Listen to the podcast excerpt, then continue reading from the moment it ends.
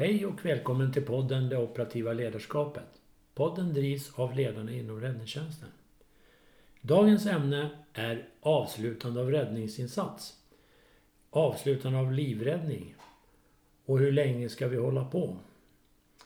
Vi ska idag bege oss till Göteborg där vi ska träffa en av insatsledarna för att diskutera lite kring en lägenhetsbrand som de åkte på där man visste att det fattades en person. Väl framme kunde man konstatera att det brann i lägenheten men att också lägenheten var belamrad av väldigt mycket saker. Insatsen pågick väldigt länge och man kunde inte finna den saknade. Så frågan ställdes, hur länge ska vi kalla det för livräddning? Och när ska vi avsluta räddningstjänst? Jag som sitter bakom spakarna heter Ulf Lejon och är ordförande för ledarna inom räddningstjänsten. Välkomna!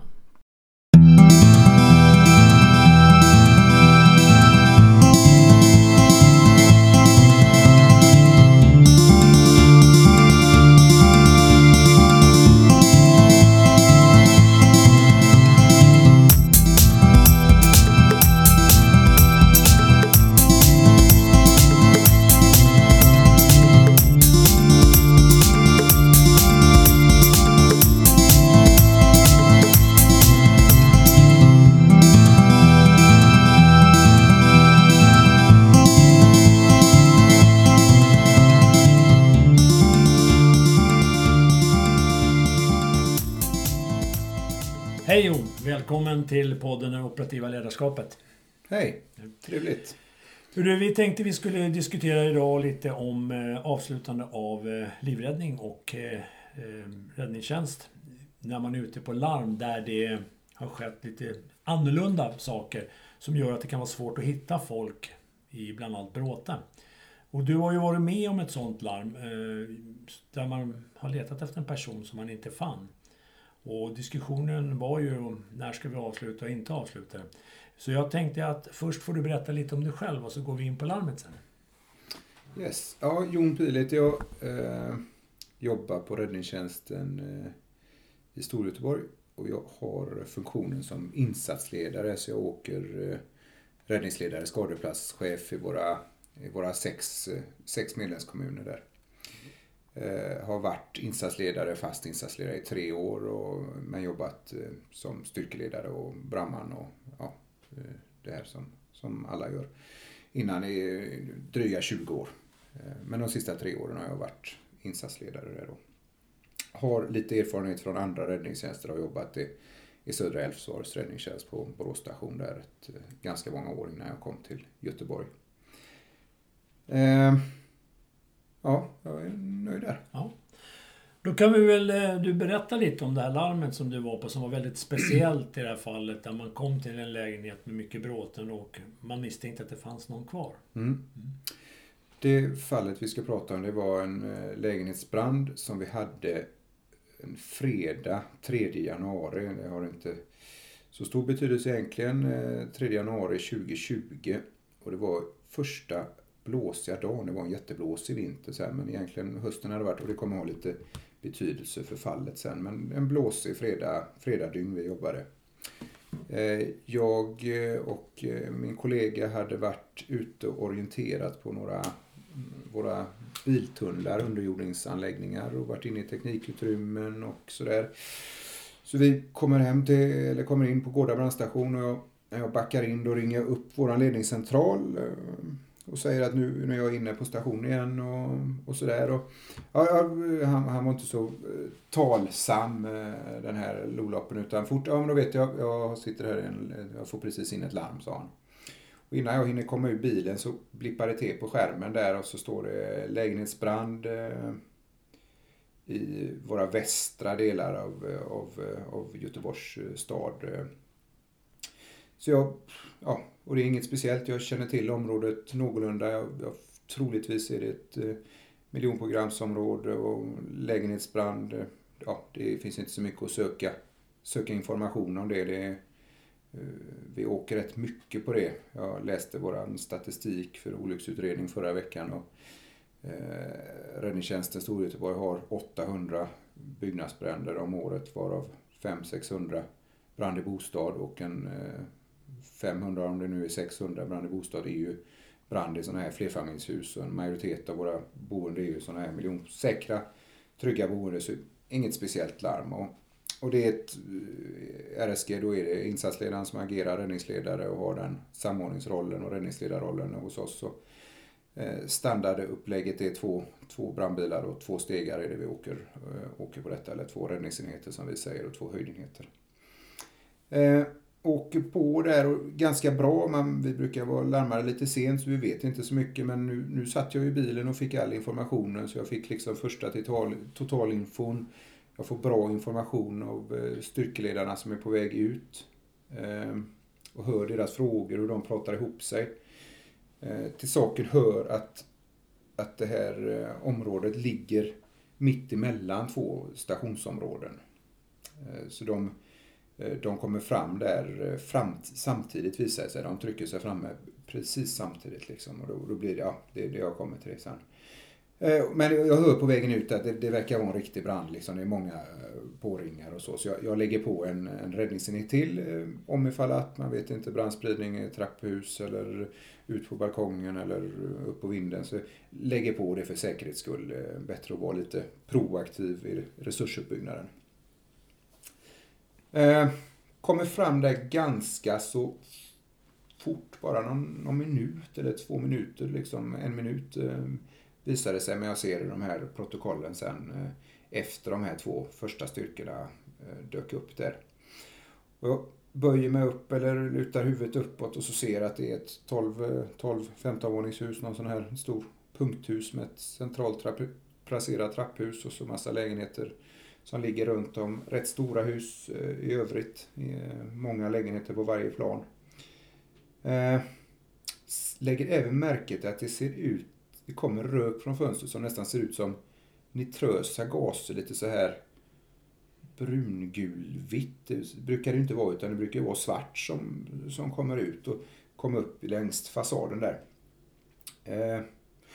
Jag går runt huset, låter de här styrkorna jobba på med det de gör. Eh, och de sköter ju det såklart alldeles utmärkt och någon hade ansvaret för, eh, för rökdykning med, med eh, syfte med livräddning. Och de övriga sökte trapp, trapphuset uppåt då i huset liksom för att säkerställa att det inte var för mycket rök och så. Ja, men ett vanligt standardlarm. Jag, jag, jag tar över räddningsinsatsen eller fortsätter det som räddningsledare efter ett tag eh, som, vi, som vi ska göra. Men det är två styrkor insatta eller mer. Eh, eller två styrkeledare insatta. Eh, ja. Ja, vad... Eh, har du delat upp det här i någon sektor? Ja, de hade gjort det själva, ja. men jag gör bara, jag uttalar det liksom. Mm. Att eh, den styrkeledaren och den stationen ja. ansvarar för rökdykning, du ansvarar för trapphus. Mm. Eh, och sen var det en av deras stegar, eller de, den första stegen som kom fram, fastnade på en gräsmatta där liksom. Eh, blött som det är i Göteborg och en väldigt blött, det har väl regnat mycket som vanligt. Så den, jag vet inte vad som hände men den, den stod, eh, hade fastnat liksom.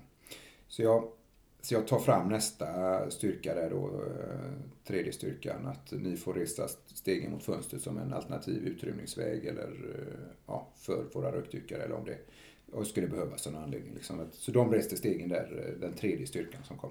Vilket plan var det på? Som du sa det var fjärde kanske, fjärde, fjärde, femte, så inte så jätte... Ja, ganska långt ner i och, trapphuset. Och livräddning var ju inriktningen ja, ja, i början, som vanligt. Inget direkt, vi sa det, eller det är inget man behöver uttala ja. knappt heller, utan de, Nej, de, de, de är ju vana, mm. ja, de är på många lägenhetsbränder de här. Och, kan detta liksom. Det är inget vi behöver. Men sektorindelningen vet jag att jag gjorde, eller det vet jag för att jag skrev upp det när jag kom hem, annars hade jag inte kommit ihåg det. Liksom. Och, eh, ja, och de körde på där. Polis, eh, ambulans kommer fram, många poliser, eh, även ambulansen och vi har en ledningsfunktion där i Göteborg som är väldigt bra som heter PLE, prehospitalt ledningsenhet kallas den. Eh, och jag samtalar med de här att ja, det som vanligt så jobbar vi efter att det kan finnas någon här inne och eh, har, har redan, ja, att, som vanligt, ni vet, och de, de var bra med det och flera polispatruller fort är på plats. Ibland är det lite ont om, om våra poliser för de har så mycket, så mycket att göra liksom, men de hade resurser denna dagen. Ehm. och det, det liksom tiden går här och det de är där inne och jag förstår ju att det här är inga stora sekelskiftsvåningar på 200 kvadratmeter utan det är, det är, det är 70-80 kvadratmeter för det är massa lägenheter på varje våningsplan. Jag, jag förstår att det är ingen, det är ingen, eller 300 kvadrat eller det är inga sådana utan det är, det är som, som vanligt liksom ett säkert hus. Det tar en tid och jag, jag, jag, brukar inte lägga mig i sådär men efter ett tag får jag liksom fråga vad, vad är det som händer? Vad, vad, jag, får ingen, jag hör inget av styrkeledarna direkt och jag får ingen, jag får ingen eh, tillbaka-grej. Och, ja, och de, jag fått, det, är, ja, det är mycket grejer säger de. Ja, ja, men är den genomsökt? Nej, och, de, och jag märker på att de är lite frustrerade i sin tur på Bramme. Vad, vad är det som händer här? Alltså de, de får känslan av att något, ja, de är frustrerade och jag är frustrerad i, i min tur. Varför, varför händer ingenting? Men jag kan inte säga tid, men ganska lång, långt in i insatsen, eller en lång, ja, en kvart eller 20, alltså det, det, tar ju inte många minuter att söka igenom en sån här lägenhet, eller vi pratar ju sekunder när man jobbar med fläkt och så. Och då kommer rökdykarna ut och då får jag det temat, det är en samlarlägenhet av rang. Eh, och en samlarlägenhet, för de som inte känner till det, det är eh, Människor som sparar på grejer. Mm. Och det, det, kan vara allting. De sparar på telefonkataloger eller de sparar på, på, på, på glasskartonger eller böcker eller sådär.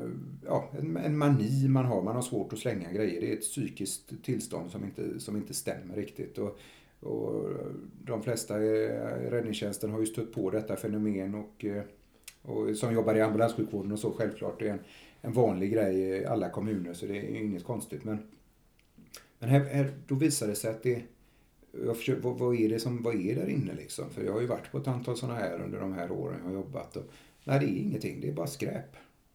Liksom. Och, det, och det var så mycket i, så de kunde inte gå mellan taket och eh, och golvet och då är det ju 2,50 eller 2,60 möjligtvis eller 2,40 någonstans i taket. Och det var så mycket skräp samlat i rummen så man kunde inte krypa med rökdykarpaketet mellan taket och så. Eh, och så, och så såg det ut i direkt. Det var någonstans man kunde eh, halv, halvgå framåt liksom med en hukad ställning i små gångar. Men det var ändå en meter upp med, med rent skräp. Man kunde inte komma in i rummen för det var så mycket. Man kunde inte få upp dörrarna. Och Ja, och, vi, vi, ja, och det tog... Eh, så det blev väldigt svårt att... Och, och, ja, det gick inte att hitta liksom. Vi, vi, finns det någon människa här inne liksom? Och vi jobbade på. Vi gjorde byte med rökdykarna så det blev nya rökdykare. Eh, och för mig vi bytte liksom så vi hade inne och då pratar vi om att hela lägenheten är, är belamrad exakt belamrad, ja. mellan golv och tak i stort sett. Alltså det, så fort du öppnar dörren så är, det, så är det något som spärrar men man får ta ett kliv på en, en meter upp för att bara komma innanför, direkt innanför dörren. Så är det liksom spärrat där. Och sen är det en backe, en, en brant backe direkt upp liksom och sen är det proppfullt med grejer. Alltså, och det är en trea, trea visar det sig liksom på en 70 kvadratmeter. Eh, så, så ja, detta är ju väldigt extrem samlarlägenhet. Och vi jobbar på med rökdykare. Två, eh, de går in, två stationer går in två var, gånger var. Liksom. Så det, det, är en del och vi har en depåbil där och vi jobbar. Eh, ja, får ut röken, får släckt branden men ändå pyr det någonstans. Och det, det, ja, så de får jobba med rökskydd som eh, skyddsnivå. Liksom. Och, och i det här eh, med att släcka branden så samtidigt pågår ju att försöka se om ja, det är någon ja, kvar där. För ja. det, det, är ju... Man ja, misstänker väldigt, det. Väldigt bra kontakt med polisen där och ber ganska fort. De är väldigt på tårna och vi har väldigt bra, som vi brukar ha, samarbete liksom. Och Eh, de hittar personen och börjar ringa. Vi börjar ringa efter den här personen och vi pratar med grannar. Och ja, till slut hör de någonting så lägenhet, telefonen är kvar i lägenheten. Liksom. Eh, kommer fram någon, något, eh, någon som har sett damen eventuellt utanför någon. Men väldigt oklart allting. Och, men min absoluta känsla hela tiden är att hon är här inne.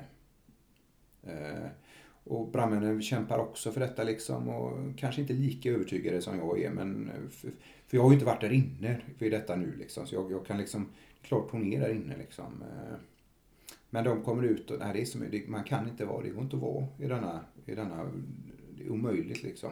Men de gräver och kämpar och, men det finns ingenstans att eh, soporna då som det var, går, det går inte att putta iväg det någonstans.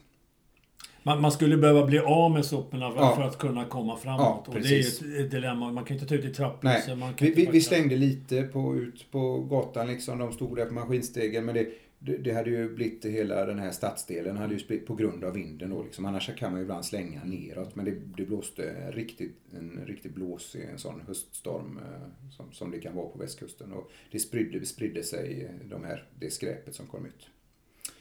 Men, men våran absoluta uppfattning är att den här, den här kvinnan är här inne. Mm.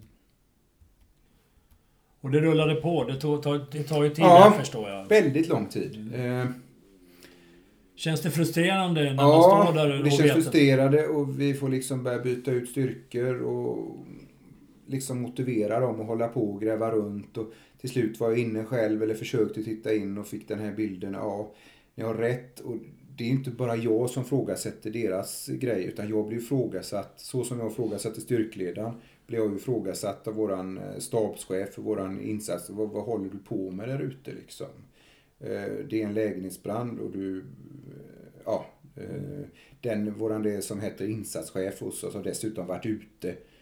Kom en tio minuter, en kvart efter mig och såg att en vanlig lägenhetsbrand löser du själv. Vi behöver inget extra ledningsbehov eller samverkansbehov i en sån här händelse. Men han, han ja, så jag får mycket telefonsamtal om. Har mycket kontakt med polisen hur vi ska göra. Får, får, får en istället för att man ska gå genom en polispatrull eller ett yttre befäl som var där så går jag direkt mellan mig och den eh, initiala förundersökningsledaren som de har utsett. Så vi diskuterar mycket eh, LSO, liksom eh, för, försvunnen person och jag pratar om försvunnen person och ja men finns den där, finns det liv att rädda? Och där är ju våra lagstiftningar lite, ja, det är inte helt enkelt detta. Det är här vi kommer till pudelns kärna. Liksom. Vem har ansvar? Polisen jobbar på sitt, de söker anhöriga. Eh, de söker eh, till exempel arbetsplatser, vart kan den här eh, personen befinna sig? Vi håller på och letar och fortfarande en LSO, en LSO-insats liksom. Och sen det här olika, vi har olika, jag som räddningsledare är, är räddningsledare och äger våra mandat och våra styrkor och till vissa ramar och jag, jag, kan ju få stopp på grejer som jag kommer som beslut med från, från högre. Men, men polisen har ju det med sin, sitt inre befäl eller vakthavande befäl. Mycket går där i beslutsmandatet. Så jag står där, bestämmer det mesta själv och ger lite. Och så poliserna blir det lite. Så det, det blev väldigt bra med den där förundersökningsledaren som jag hade direktkontakt med istället för att det blir viskleken, jag pratar med en som pratar med en och så att, att vi hade det. Så det, det, var, det var sådär och jag börjar tänka på hund. Om, ja. om jag bara får större, eh, Om eh, brandbelastningen, för det kan jag tänka mig att några funderar på. Eh, hur stor var brandbelastningen i lägenheten och röken? Om man det... tänker på, fanns det en möjlighet att man kan överleva en längre tid inne i lägenheten? Eller var den helt utbränd? Nej. Den, den är ju, den, den är ju, den är ju kol, nerkolad liksom. Den är, mm. Det är ju svart, det var inträngning, de såg inte handen framför sig. Mm. Eh, som tur var blev det ju ingen, eh, tog ju inte, eller en ruta gick inte eller en ruta stod inte uppe. Det hade ju blivit som en, en härdsmälta med all den här plastpåsar liksom och den blåsten som var ute och fjärde, femte våningen. Alltså det hade ju blivit det har blivit en fruktansvärd brand eh, om det hade tagit sig ordentligt. Men man ser alltid sotigt, röktyckarna har berättat och det luktar, man känner alltså det här. Men inte lika enkelt att säga att att, att jag, jag, kan inte säga att den, och jag kan ju inte veta det utan att ha hittat en person, att hon, så, jag tänkte liksom, kan hon ligga här någon gång eller eh, hon, ja, personen kan, ja. Men det fanns ändå en möjlighet att någon skulle, om man legat, långt ner ja, under, ja. Så, kunna överleva. Det är inte så utbränt som nej, det kan nej. vara på en totalskada på en lägenhet. Ja, det kan ju ändå vara viktigt att veta. Då, så, ja, så att man förstår varför man diskuterar om man ska vi fortsätta leta eller inte. Och sen vill ju alla, alla brandmän, alla styrkeledare och jag, alltså vi är inte vana och, och det, hur ofta har det hänt? Eh, en, ett utbränt hus, att, man, att någon hittas efteråt av tekniker. Men detta var ändå en vanlig lägenhetsbrand. Det har inte brunnit så fruktansvärt mycket. Och vi, så så det, det blev en konstig grej liksom. Att alla ville hitta personen och alla var med om detta liksom. Hur känns det att bli frågasatt in, eh, bakåt? Eller? För jag förstår vad du menar med den lägenheten. Normalt en lägenhetsbrand vi åker på i den här storlek, det är ungefär en timme. Sen Ja, är det ja, klart. ja, eh, med allt det jobb. Rämnar över till Ja. restfärdesledare, Ja. pratar med fastighets... Alltså, sen är vi, åker vi därifrån. Ja. Liksom. Men hur känns det att bli frågasatt bakåt? När, när... Jag förstod ju dem. Eh, för jag hade ju precis samma i min tidsskala, Mm. 20 minuter in i insatsen. Eh, Samma som styrkledarna hade 10 minuter in insatsen. Så frågasätter de, vad håller ni på med? Och Mm. jag frågar dem 10 minuter senare. Och de går på mig en och en halv timme eller två timmar. Vad händer? Vad Mm. gör du där ute tre timmar? Varför, varför skickar vad, vad gör ni liksom? Eh, De tar ju inte speciellt mycket ledningsansvar. De, en lägenhetsbrand, ja, det sköter, eh, det sköter de här styrkorna och en insatsledare. Liksom. Det är inget, inget konstigt med det. Och stöttar mig i det jag behöver. Men jag frågar ganska tidigt polisen om de kan få fram en hund och tar lite det här jag säger, visst det går, de frågar någon och de, den som pratar med någon kanske inte förstår behovet varför. Och, men efter en stund dyker upp en hund och hon, hundföraren går upp och tittar och bara, nej, det är alldeles för stor risk för min hund eh, att släppa in den. Liksom. Jag går in här och letar och är svårt att hitta så mycket dofter i en sån här eh, som det måste vara i all den här som hon säger. Och, och hon, eh, eller han, vad nu hunden var för något, eh, kan ju skada tassarna. Djuret kan ju skada tassarna och den kan vara obrukbar en månad nu på grund av, av att det går in på något och skadar sig på några krossade glas och sådär. Men vi, jag försöker lite själv i detta. Eh, våran, eh, när de väl förstår där inne då ringer de eh, MSBs TIB för vi har ju det här eh, NUSAR-grejen som är sök i rasmassor och byggnadskollapser. Jag ringer styrkeledaren på den station som håller på med, med detta. Har ni några kontakter på hundar? Jag ringer en insatsledarkollega som föder upp eh, brukshundar till polisen och sökhundar som, som eller hans fru gör det. Eh, Jag ringer en kompis som är utbildningsansvarig eller har varit utbildningsansvarig med, som är hundförare på polisen som har jobbat med detta. Och det går liksom inte att få tag på någon. Förundersökningsledaren pratar om att de har någon på grova brott eller det som hette eh, ja, läns, läns, ja, länsordnings, inte ja, vad det nu hette. Alltså en, någon slags likhund eller något. För Okej. ja, de, de, har inte, de har inte samma hundar riktigt som vi har eh, hos oss. Utan, eller eller som, som vi har, vi har inga hundar. Men de är specialiserade på knark, någon på vapen, Ja, någon på mm. li, lik, eh, sperma ja, Ja. och några kan flera grejer då. Men det är inte alltid allting finns och det är ju en otrolig resurs då. Men Ja, jag tar dit en restvärdesledare. Restvärdesledaren jagar hundar liksom och försöker med detta och sina kontakter. Och han är närmast att hitta en hund av oss allihopa. För han, han ja, jag vet inte hur han gjorde, men han hade någon, han hade någon på gång liksom. Men då, det, var, det var ganska långt ifrån. Men det var den första som, som vi fick, egentligen fick napp av en hund och leta efter. Där. Och då börjar vi igen med polisen. Är det, är det våra? Nu, nu är det en mer försvunnen person. Har det gått så många timmar in i detta? Eh, Var det svårt att motivera folk, alltså brandstyrkan, var det svårt att motivera polisen, ambulansen att ja men jag tror fortfarande att det finns Ja, men en lite. Mm.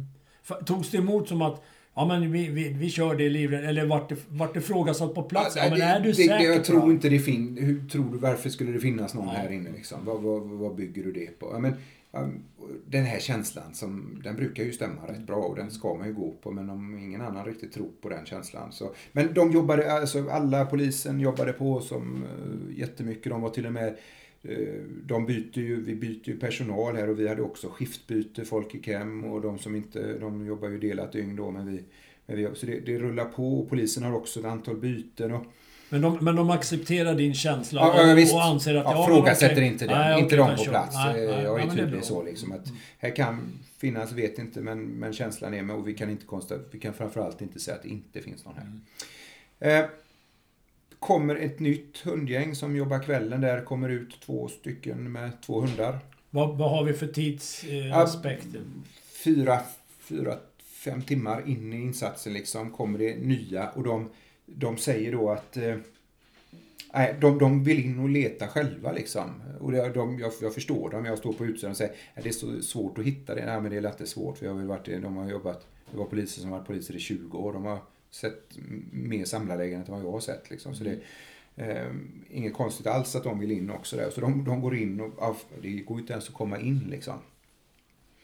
Eh, våran insats, eller min insatschef, kommer också ut då för att stötta mig i detta. För jag, vet jag bollar med han och då, han kommer ut och bara mm, också, går, han vill också gå in och titta liksom. Så han, han var det var aldrig jag där inne, men han, han var uppe och, och, och tittade in i hur detta såg ut då. Och, och alla bara, och sen när jag säger att jag, jag samlar alla och eh, jag samlar restvärdesledaren och jag, de här poliserna som är på plats och våran insatschef. Och, eh, nu, nu har jag som avsikt att avsluta det här eh, LSO-uppdraget mot, mot det som finns här och framförallt då restvärdesledaren som fick ta någon slags mandat för en troligtvis försäkrade boenden i, i, i, lägenheten som, som vi inte ens visste för vi hade inte fått tag på någon anhörig. Vi, det var jättesvårt liksom. Polisen fick tag på precis i slutet liksom. Eh, och då fick man en ritad karta eh, på någon liten postitlapp så att eh, kan ligga eventuellt och sova här i ett viloställe liksom uppe i det här då. Men nej, det var inget där heller när vi väl sökte. Poliserna släpper in hundarna då precis och liksom den ena hunden där att han bär runt eller släpar runt sin hund för hunden kan inte röra sig där inne för det liksom rasar och ja, det är så konstigt. Det är svårt att förklara. Eh, men man så är det. Men ja, nej, kan inte göra något. Så jag avslutar bortåt sex timmar efter, eh, efter vi fick första larmet. Om det inte, ja, runt sex timmar efteråt. Mm. Ganska ovanligt, ett, ett miljontals programslägenhet mm. som inte brann speciellt mycket dessutom heller. Det var en vanlig mindre lägenhetsbrand liksom, som vi har så många av. Eh, åker hem där på kvällen.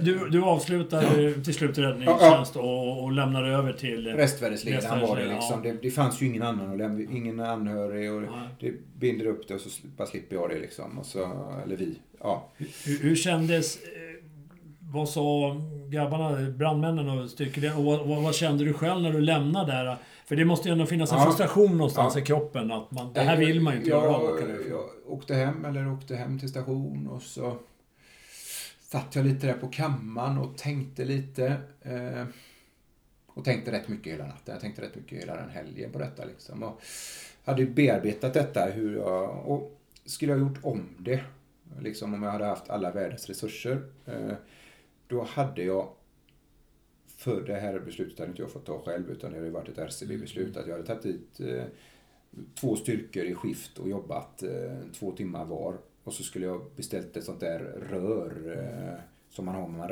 rivningsrör liksom. Ja, I byggena? Ja, ja, precis. Som man hänger på utsidan. Byggt upp en byggställning till femte våningen. Och, och, ja, det hade ju aldrig varit motiverat. Ja. Och, nej, det är liksom inte.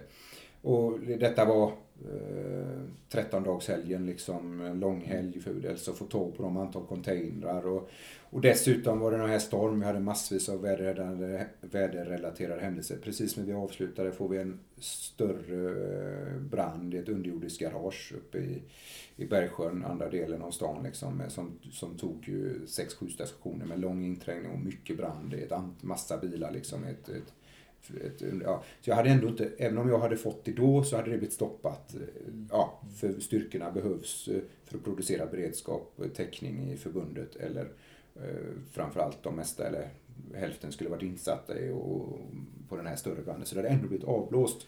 Och när jag pratade med han RCB efteråt då, mm, ja, så är vi, vi pratar ihop och så som man kan göra efteråt. Hur skulle vi gjort om detta liksom? Och, och han, eh, ja, Smart idé men det hade du aldrig fått så. Ja.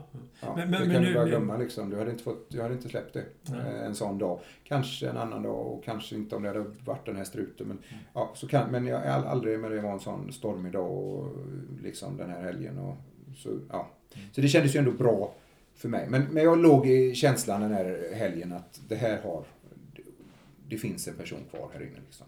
Men du har ändå en känsla när det kommer med att det här det vart inte den avslut som du nej, ville nej, nej. på det här. Men efter sex timmar, vi kunde inte ja, gjort något annat. Brandmännen var superduktiga. De sökte verkligen mycket i detta liksom. Jag tror ju att ni har gjort det bästa, men det ändå, kan ändå vara intressant att veta att det finns den där känslan att man inte bara Ja, nu stänger vi av och åker på nästa. Det är Ja, ja, ja, man, man, drar ju inte bara ett streck över ett sånt här larm, utan man har någonting kvar eftersom du ligger, som du säger, du tänker på några dagar efter, hur fan skulle vi ha löst det här? Ja, ja. Mm.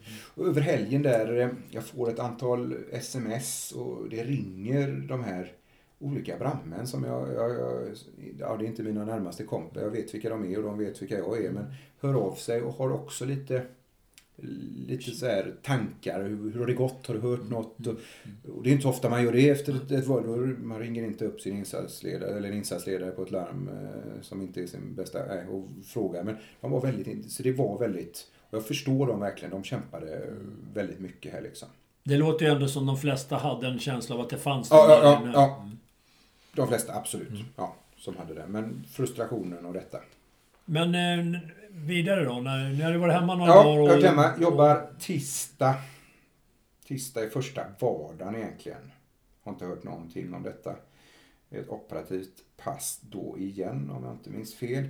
Då blir jag uppringd av han eh, på polisen där, en gammal kompis som har hand om, som har hand om utbildning av hundförare. Och, eh, och då säger han, ja, jag, jag, jag, kom, jag har skickat ut något jag fattar det som massmedie, vi har inte pratat om det så mycket efter det, men det har gått ut ett mail på polisen eh, där det står då adressen och eh, efter, eh, ja, vi kom hit med våra hundar och hittar personen efter 45 minuter eller något sånt där. Jag minns inte riktigt vad han sa, men det där skötte inte räddningstjänsten speciellt snyggt, var kontentan med mejlet liksom. Eh, ja, det var ju helt otroligt. Ni fick alltså negativ kritik? Ja, inne, det var inte till oss. Nej. Det var ett internt mejl Ja, på polisen. ja. Och, men jag hörde andra ringa om, jag Ja. fick kontakter och det var andra poliser som berättade om Mm. detta. Så det, det var inte så internt som de kanske trodde då liksom. Men, eh, så jag började nysta lite i detta och eh, frustrationen där. Hur jäkla gjorde de för att hitta den så fort liksom? Eh, personen. Men skönt. För man har person- hittat en person? ja, en det. person hittad. Ja. Eh, I avliden då liksom... Eh, eh, lite, ja, avliden. Så jag känns, det känns ju inte alls bra detta liksom. Och vi som kämpade så, så gick de in i 45 minuter.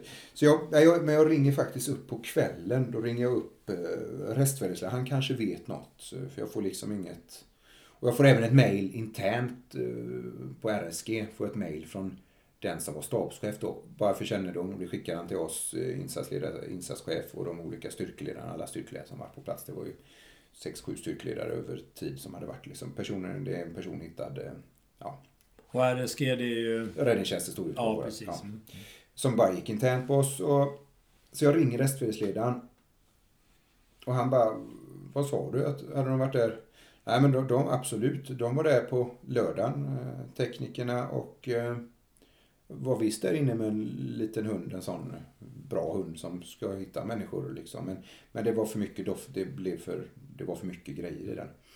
Men då visade det sig att restvärdesledaren hade fått, eh, då hade han listat ut vilket försäkringsbolag det var och övertalat försäkringsbolaget. Man har ju inte det i sin hemförsäkring så står det inte tumma. Nej. Nej, det är inte något. Det, det är avtalat. Det, det finns inte med att tömma på skräp liksom. Utan det är upp till anhöriga och så. Men han hade på något sätt lyckats få dem. eh, Så han har tagit dit en firma som jobbade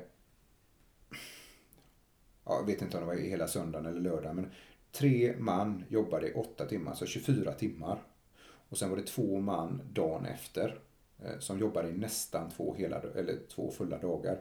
Så de har hållit på där i en 40 timmars vecka i princip och bärt ut cirka 50 kubikmeter skräp. De har tömt eh, flera stycken sådana här öppna containrar med skräp. Och då har eh, personen hittats då i, i köket nära, ja, nära där, där det börjar brinna liksom. Och det är det rummet som brann.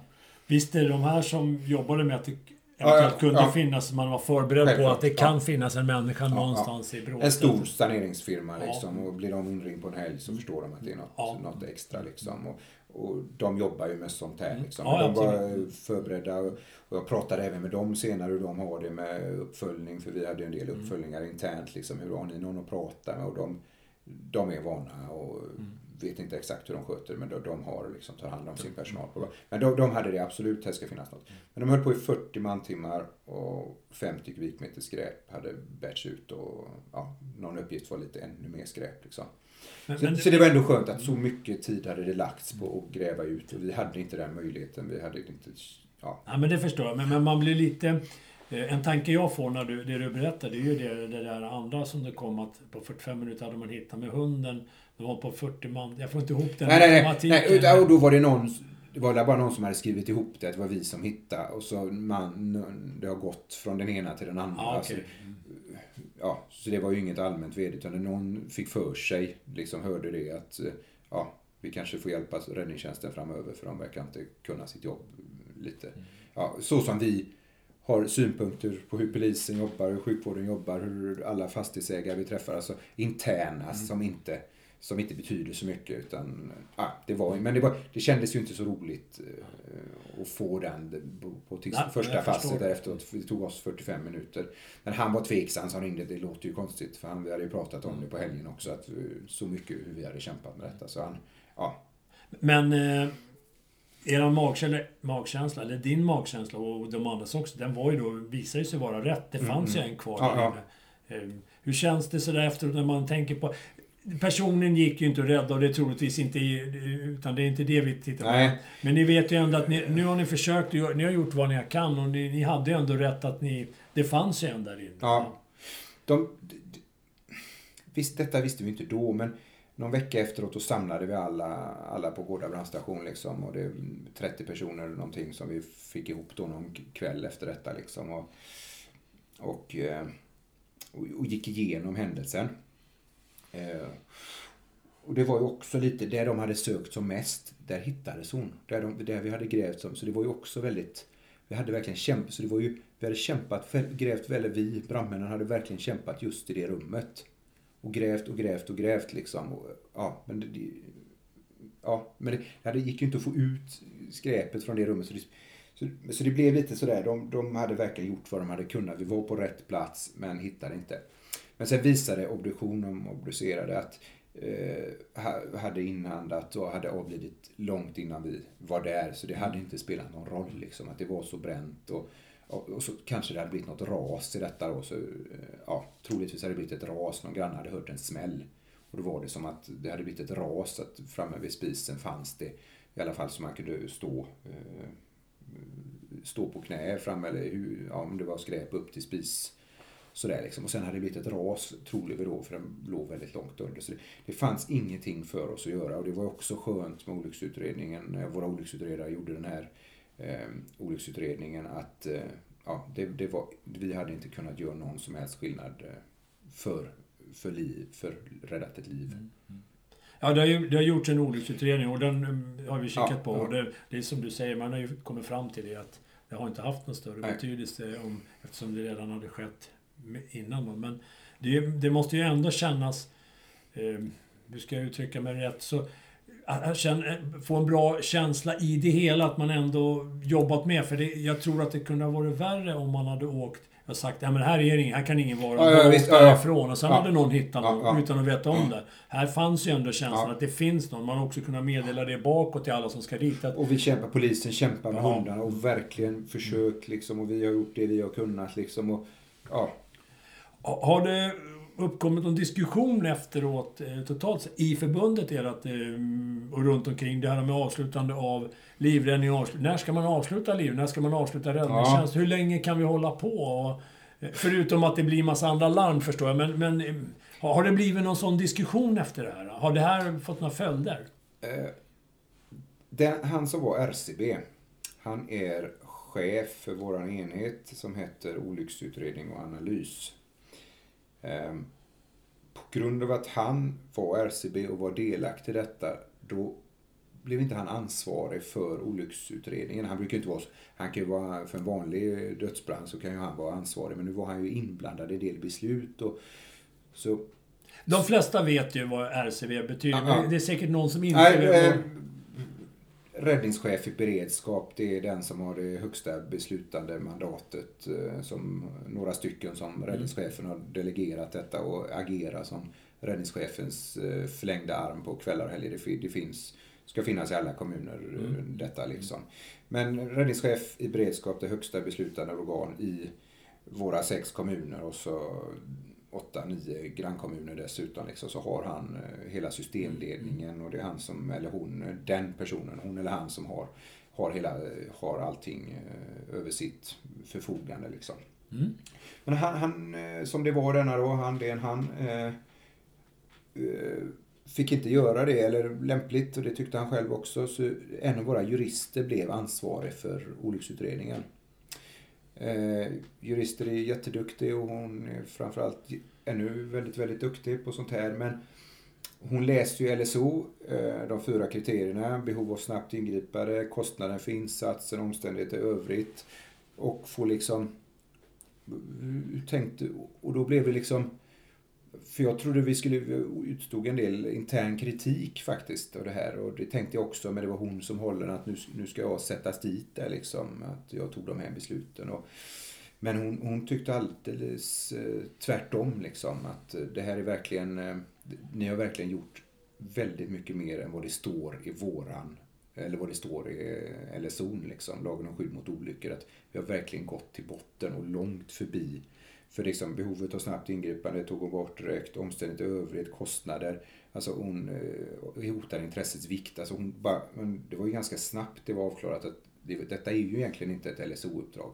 Ja, fast och så förklarar man, hon fattar ju också liksom att ja, men polisen vill inte heller se det som eh, försvunnen person för ja, kunde jag säga att personen finns där och kan jag säga liksom och det här och är det försvunnen, är det, eh, finns det liv att rädda? Alltså det är inte så himla enkelt. Och då har vi eh, trygghet, säkerhet, omtanke och räddningstjänsten Storgöteborg ska gå lite längre. Vi går in lite senare än vad många räddningstjänster och än alla de räddningstjänsterna jag har gjort innan. Vi, vi, vi går inte på lika tidigt eh, på insatser. Vi, vi säger nej till väldigt mycket men folk ringer som många räddningstjänster åker ut på larm. Utan vi, nej det där är inget för oss nu, ni får ringa någon annan. Vi åker inte på mm. Många grejer som kan, kommunerna kan göra och fastighetsägarna gör själva det. Nej, vi gör inte det. Men om vi väl går in och startar ett LSO-uppdrag så är våra instruktioner och vårat, eh, vårat motto att vi ska hålla på länge. Ja, inte sex timmar mm. så här, men vi, vi, vi, Men utanför ja, ja, ja, precis. Och det vet ju hon också liksom. Men, men det var också, blev också väldigt bra i olycksutredningen att hon Ja, du, ni har verkligen, från att jag också trodde att detta nu ska det nog sättas till, sättas dit eh, mig och våran räddningsinsats som vi utförde där. Men, men bara snarare tvärtom, att vi har verkligen kört så mycket vi kan och mycket mer än vad det, än vad det förväntar oss mm. på oss i all lagstiftning. Och, så vi skulle egentligen, eh, polisen skulle ju tagit, nej nu, nu, ja. Men vi hjälps ju åt och nästa gång är det deras lagrum vi hjälper. Mm. Ja. Men det finns ju en human, De oss. human del ja, i det hela eh, mot anhöriga ja. där man också kan visa det, är väl därför också att vi kan gå lite längre och ändå hänvisa till det övriga delar i de här fyra kriterierna. Vi måste kunna ställa upp för och visa att vi har gjort vad vi kan. För att jag tror att de anhöriga skulle säkert känna att det är bättre att ni har gjort det ni kunnat och inte hittat än att bara varit där en kort stund ja, ja, absolut. Ja, ja. För det hade du ju kunnat ja, ja, valt och sagt ja, det här är inget, nej, inget för oss. Och så åkt därifrån. Mm. Absolut. Och hade haft all rätt till det liksom. Ja. ja. Mm. Men, men och, och framförallt för de anhöriga är det ju, hade ju varit väldigt då fått det till, hittat henne, eller han då, tyvärr här under under kvällen och detta och detta har hänt. Liksom. Men nu kunde vi inte göra det och det hade ju varit väldigt bra om, om polisen kunde meddela det. Liksom, så det hade varit, eh, ja. Men även för våra, våran personal. Liksom, tänk om vi hade gjort en sån grej. Det hade ju inte varit jätte... Nej, vi, det här, är, här finns ingenting att göra. Liksom, utan vi gjorde allt vi kunde där. Liksom, och, men intressant, eh, polislagen eh, försvunnen, det här LSO-begreppet mm. som polisen har, försvunnen personer, det övergår från, dem, eller från oss eh, till dem. Liksom, och det, den här gråzonen eh, som lagstiftaren vill ha också. Mm. Att vi ska jobba i parallella rör och ha parallella insatser och göra saker eh, samtidigt ihop liksom fast eh, med våra egna, egna resurser liksom. Och, så nej, en intressant grej. Har man, har man haft någon gemensam diskussion mellan polis, sjukvård och räddningstjänst i den här frågan? I det här larmet, typ den här, hur gör vi om det här händer igen? För det här kommer ja, antagligen ja, inte ja, vara sista nej, gången nej, vi råkar ut för det. Nej, inte riktigt. Jag vet ju att jag pratade med initiala förundersökningsledarna som de heter då. Eh, våran stabschef eh, pratas ju med vakthavande befälet. Jag tror våran inse. Alltså det gick ju på flera parallella spår. Kanske RCB hade någon kontakt med någon. Alltså vi, vi jobbar ju med varandra på olika, jag jobbar ute på skadeplats ihop med dem yttre befälet, eventuellt eh, regionala insatsledaren eh, om, om den finns. Liksom. Och de jobbar med de, de inre nivåerna, liksom olika chefsnivåer. Så, så det pratade vi om del efteråt, hur mycket det hade gått mycket energi på, på, på, på polisen också. Det var, inte, det var en udda händelse för dem, väldigt udda händelse för dem också. Liksom. Och det funderades mycket på hur vi skulle göra detta på olika nivåer. Eh, förutom vi som stod på skadeplats. Liksom. Det var väldigt mycket eh, sam, samarbete och eh, ja, reda ut frågetecken. Liksom. Har du något mer i olycksutredningen som du vill ta med i den här diskussionen som man kom fram till? Eller var det, var det någonting man ville sa, nej men det här borde vi ha gjort bättre. Hade man hittat något sådant? Eller är det så att man har kommit fram till att vi har gjort det efter det vi har bestämt inom vår region hur vi ska arbeta. Du har ju läst den nu senare ja. än jag. Är det något du tänker på? Nej, jag, bara, jag tycker bara allmänt du själv om du, ja, om du nej, inte som jag. Nej. Ja, men, eh, hur, eh, hur känns det om man läser LSO? För, för jag, precis som du, som jag, har, man ju tittat, har jag ju tittat lite i den utefter jag har läst den här och funderat i de här banorna precis som du. Jag tycker ju att ni har gjort alldeles rätt. Då. Men ser man, har vi hittat någonting, eller har du hittat någonting där man säger att här har inte lag lagstiftaren tänkt igenom ordentligt. Här kan det bli, som du pratar om, den här gråzonen. Och hur löser vi det så att vi inte hamnar i det dilemmat tvärtom? Att man åker därifrån, polisen åker där, man har ingen där. Plötsligt är det anhöriga som går in och börjar leta. Ja, ja, ja. Det vore ju en skräck om de började plocka braskepen och så hittar en anhörig avliden där efter ett par veckor. Ja, ja. Eh. Det är svårt alltså ibland är den här gråzonen ganska bra. Att, så det blir ju att vi jobbar i parallella rör. Vi jobbar ihop liksom. Vi har parallella insatser samtidigt med sådana här händelser. Så samhällets resurser används så bra det eller alla resurser används så, så, så bra det går. Så jag tror det är ganska bra att det är de här, eh, att det inte finns eh, svart eller vitt eller de här gränsdragningarna. Att vi, vi jobbar parallellt eh, och, och bedriver räddningsinsatser fast olika lagrum och, och så. Det, det är samma det där eh, mellan statlig och kommunal räddningstjänst, olja, på, olja i havet. Liksom, att vi gör det ihop. Liksom. Eh, ja.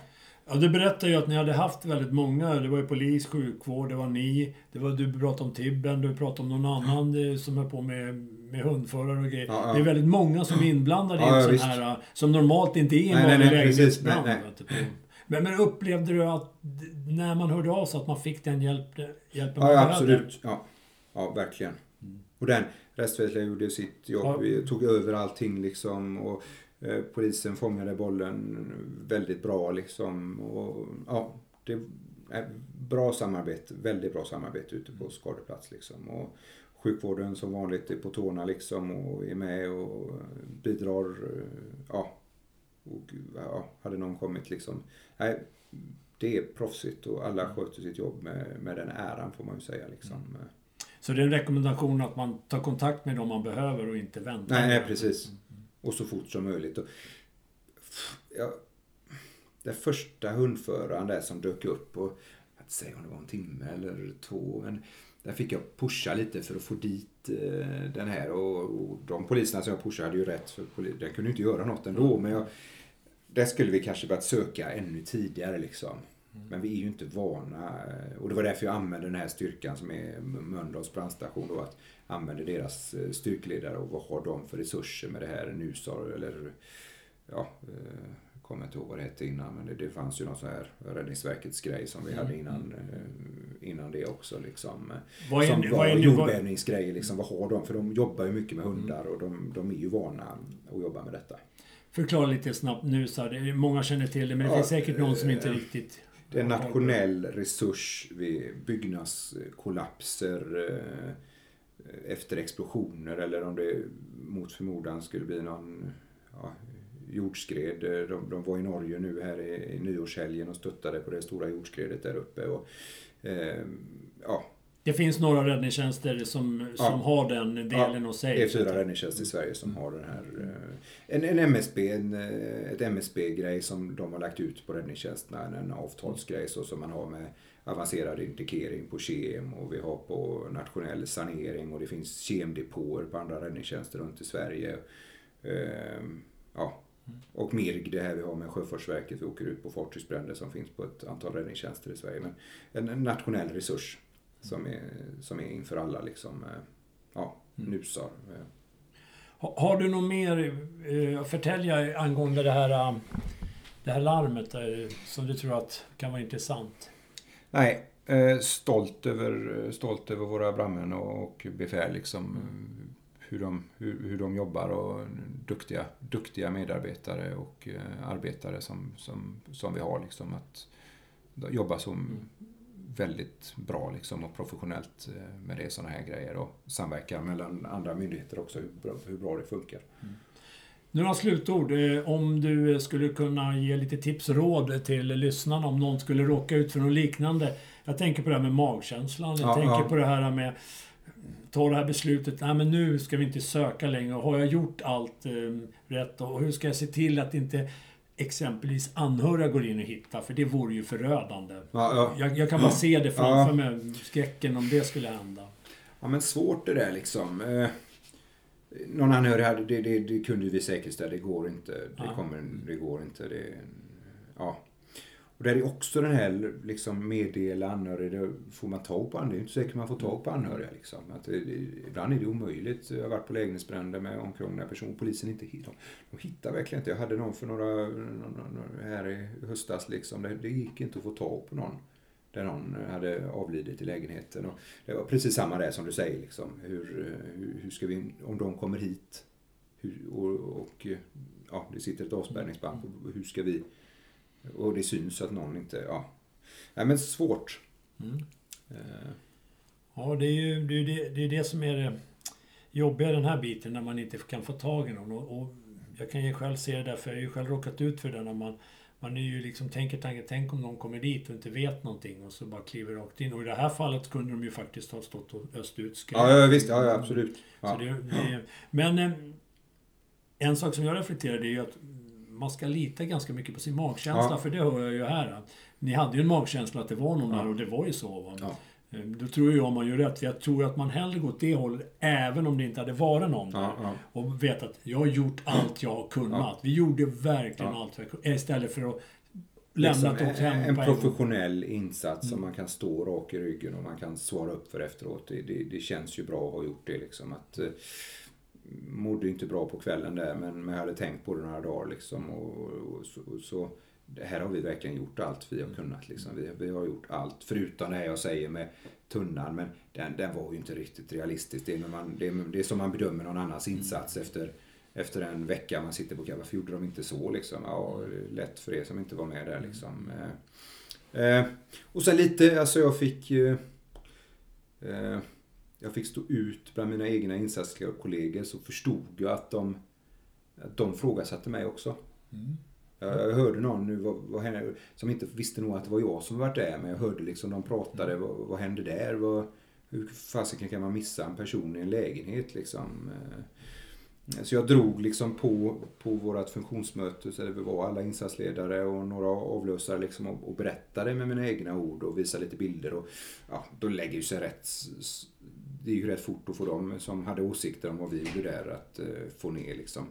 Vår förbundsdirektör har också ut, uttalat sig, eh, har han berättat för mig liksom, och det har jag hört ryktesvägen också att eh, han har frågasatt vad, vad, vad, vad, just jag håller på med. Liksom, vad, hur bedriver man räddningsinsats om man inte hittar en, hittar en person i en, en brannad lägenhet. Liksom, att, ja.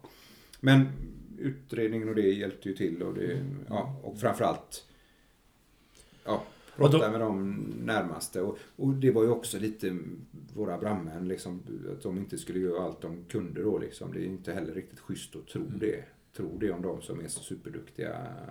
Ja, man har den känslan att nej, de gjorde inte detta så bra, så bra jobb de kunde. Men jo, Jag har ju haft fördelen att få granska lite bilder och sånt i det hela. Men det går ju inte att visa givetvis med alla de där. Men jag, jag förstår ju mer när jag fick se några bilder därifrån. Ja, ja. Hur det verkligen ser ut. Och jag kan ju lova lyssnarna att det är belamrat. Det är alltså fullt från golv till tak.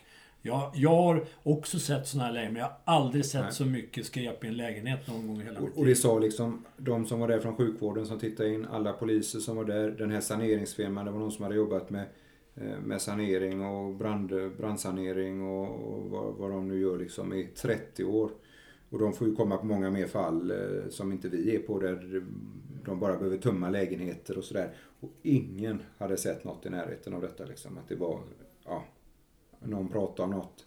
Ja, fast då var det, ju, var det ju gångar och det var inte skräp utan det var äggkartonger man hade sparat eller böcker och sådär det, det brukar vara liksom. Så det, ja, spännande. Då så, då får jag tacka för att jag eh, fått kommit hit och intervjua dig, Jon. Mm, tack. Tack och eh, vi hörs och syns framöver.